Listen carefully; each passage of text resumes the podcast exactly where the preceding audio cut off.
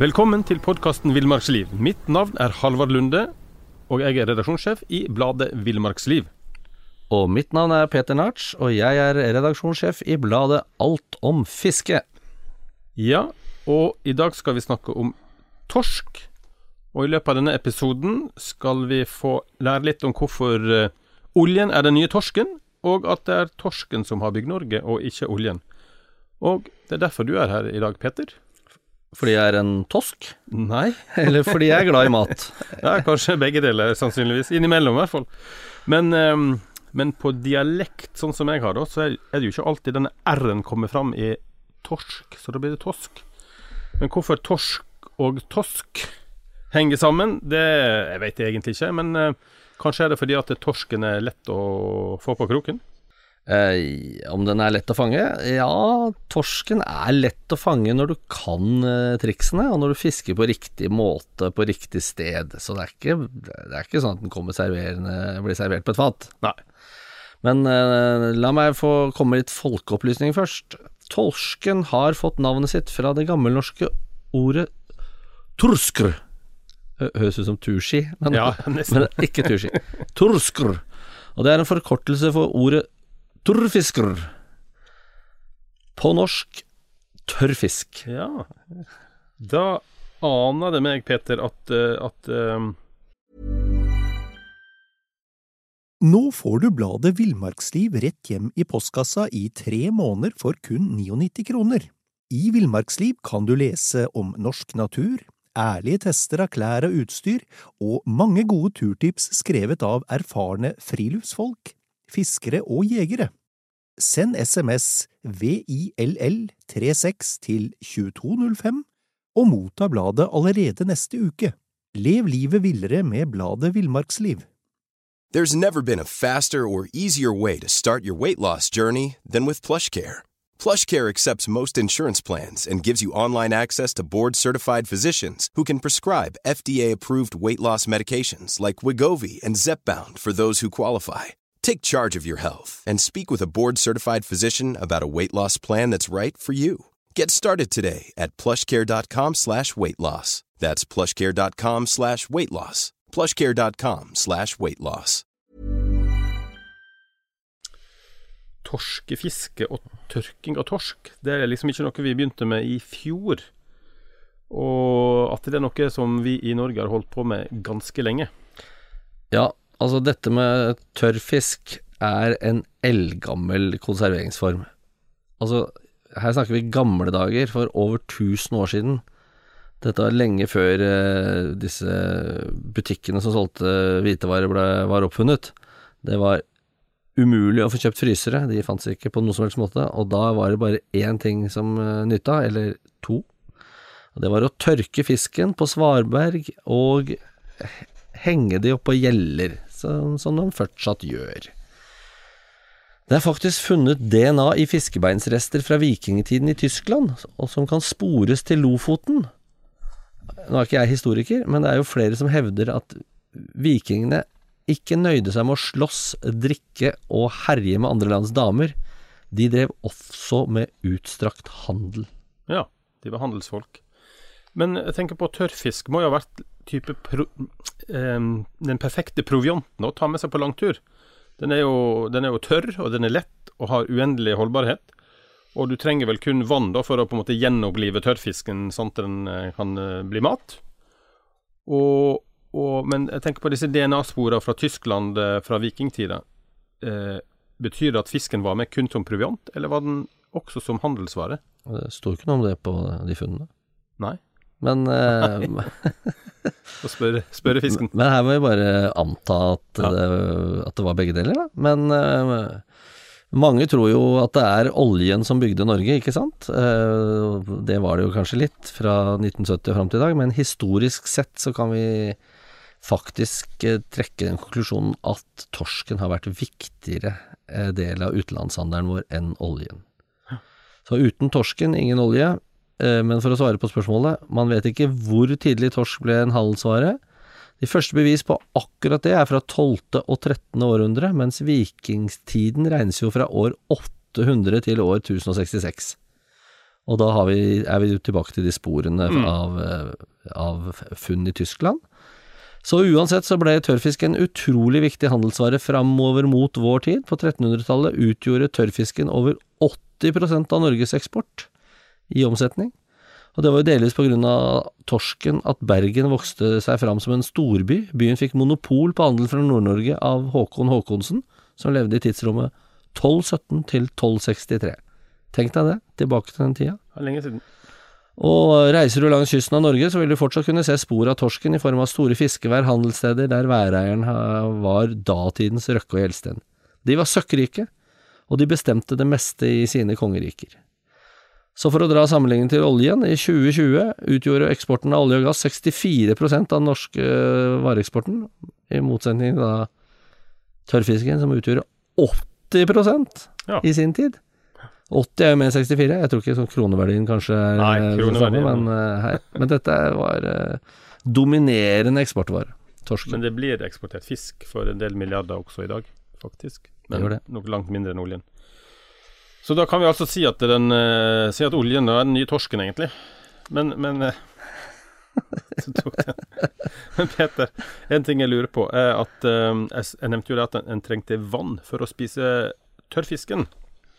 Det impliserer jo ikke bare at den er tørr og hard når den er tørka, men vi har kanskje lett for å tenke at tørrfisken òg er salt, men det stemmer jo vel ikke? Nei, det er vel en av mange misforståelser, eh, men det er forskjell på tørrfisk og klippfisk. Klippfisken er jo grundig salta før den eh, tørkes, mens tørrfisken den er ikke salta i det hele tatt, bare tørka. Så fram til rundt 60-tallet så ble klippfisken tørket ute på klippene, blankskur til svaberg og båret ut og inn når det var regn og opphold. Derav navnet klippfisk. I dag blir klippfisken laget innendørs under kontrollerte EU-regulerte forhold, mens tørrfisken henger fortsatt ute og tørkes av sol og vind, som den har gjort i tusen år. Ja. Og kan lage bacalao. Er det klippfisk? Eh, bacalao lager du av klippfisk. Ja. Det er riktig. Og det er god mat. Men et siste spørsmål om, om tørrfisken. Um, hva den gjør med torsken? En henger vel ikke torsken bare opp sånn eh, uten å mm, gjøre et eller annet med den? Altså, den kan henges opp som hel fisk, men også det som kalles rotskjært, som betyr splittet. Da blir fisken sløyet, hodet kuttes av, den flekkes og splittes langs ryggen, og, ved, og mens den henger da sammen ved sporen, som da er halen. Så henges den over en trestokk på gjelden, og der henger den og dingler i omtrent tre måneder. Sol og vind lager en hinne eller skorpe på fisken, mens noe regn bidrar til at den ikke blir altfor hard. Men når jeg tenker på tørrfisken, så har jo den en litt sånn sær eh, lukt. En, enkelte syns jo den er veldig ekkel og brekker seg, mens eh, andre syns det er veldig bra eh, både lukt og smak. Men jeg tenker at det- altså fisk som da har hengt ute i frisk luft i, i, i tre måneder, da, ikke hadde noe særlig lukt. Altså, det som skjer i fisken under disse månedene, er jo det er en kontrollert fermenteringsprosess. Altså, det er der oppe i nord så er det såpass eh, frisk, eh, kjølig luft at eh, den fermenterer, altså gjæres under kontrollerte omstendigheter.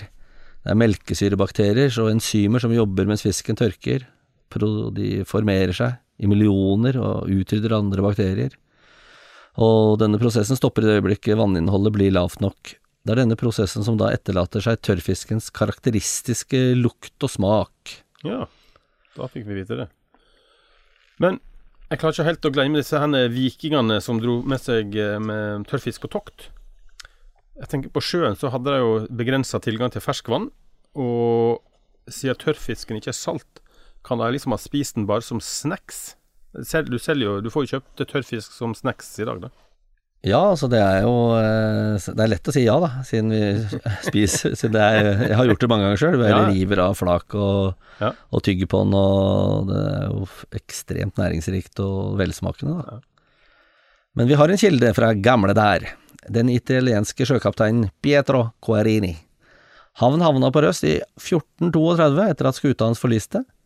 Quarini beskriver hvordan tørrfisken ble behandlet av lokalbefolkningen på Røst. Det han skriver kan tyde på at tørrfisken ble banket myk med en øksehammer, og så spist med smør og krydder, uten å kokes først. Ja. Eller uten å bløtes først, da. Men Peter, eh, før torsken blir eh, tørrfisk og klippfisk, så har den jo et liv ute i sjøen. Hvordan ser denne livssyklusen til torsken ut? Ja, Vi kan jo starte med at det finnes to hovedgrupper av torsk. Havtorsk, den som vi også kaller for skrei, og kysttorsk. Jeg pleier å si at uh, skreien er en torsk, men torsken er ikke nødvendigvis en skrei. Skreien består av større bestander som vandrer mellom gyteområder ved kysten og oppvekstområder som kan ligge langt unna. Den norsk-arktiske torsken, som er den ordentlige skreien, vokser opp i Barentshavet, og når den er kjønnsmoden, det er da er han sju år gammel, så vidt jeg husker, da vandrer han inn til kysten for å gyte. Her er de viktigste gyteområdene Lofoten, Vesterålen og Møre.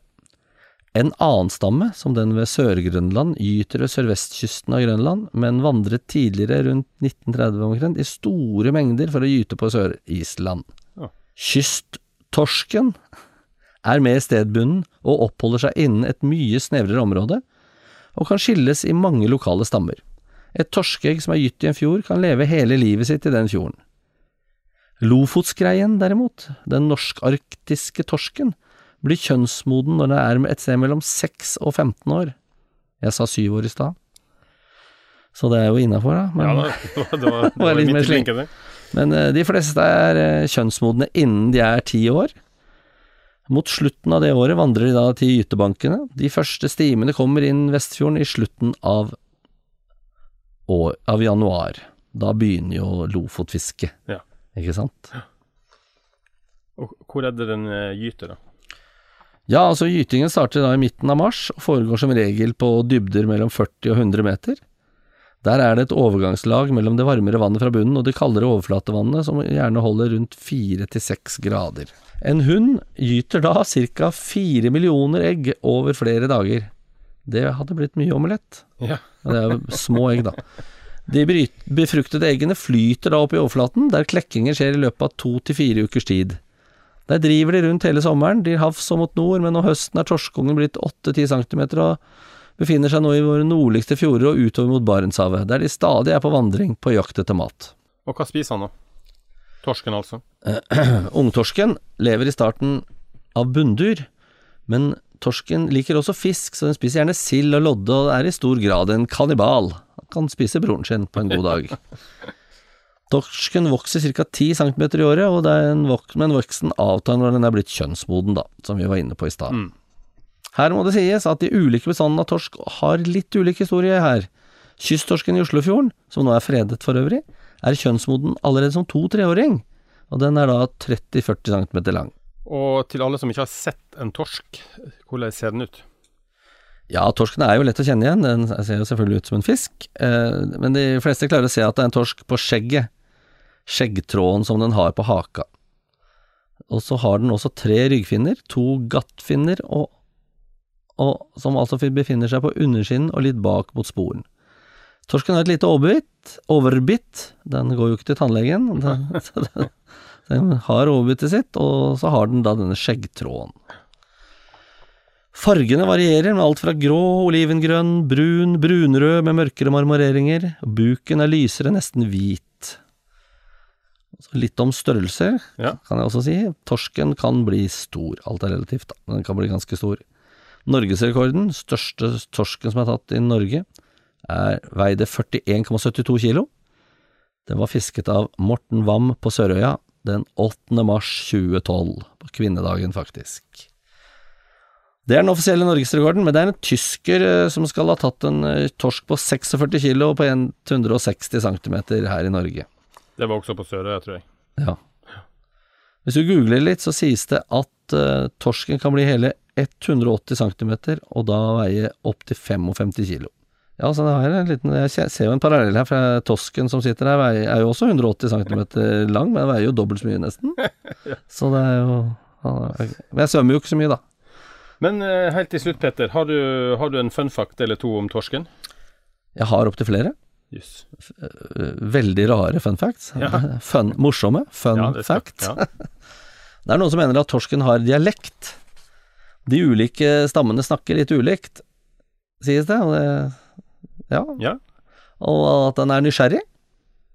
Og at den er smart og har evne til å lære enkle assosiasjoner. Forsøk har vist at torsken kan dra i en snor og få belønning i form av mat.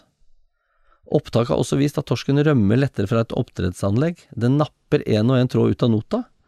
Når en fisk blir lei, så kommer en annen og fortsetter på samme sted. Ja, samarbeid der, altså. Til og med teamworker, altså. Torsken også har også en god luktesans og kan tiltrekke seg lukter flere hundre meter unna. Eh, en annen fun fact, eh, som kanskje ikke torsken har noe skyld i, er at 3% av Norges befolkning spiser torsk på julaften. Og så en siste fun fact, som sikkert mange aldri har lært seg før, at hakeskjegget er egentlig en finne. Og torsken kan bli over 20 år gammel. Utrolig. Utrolig, men sant. Da sier jeg takk for praten, Peter. Takk for praten.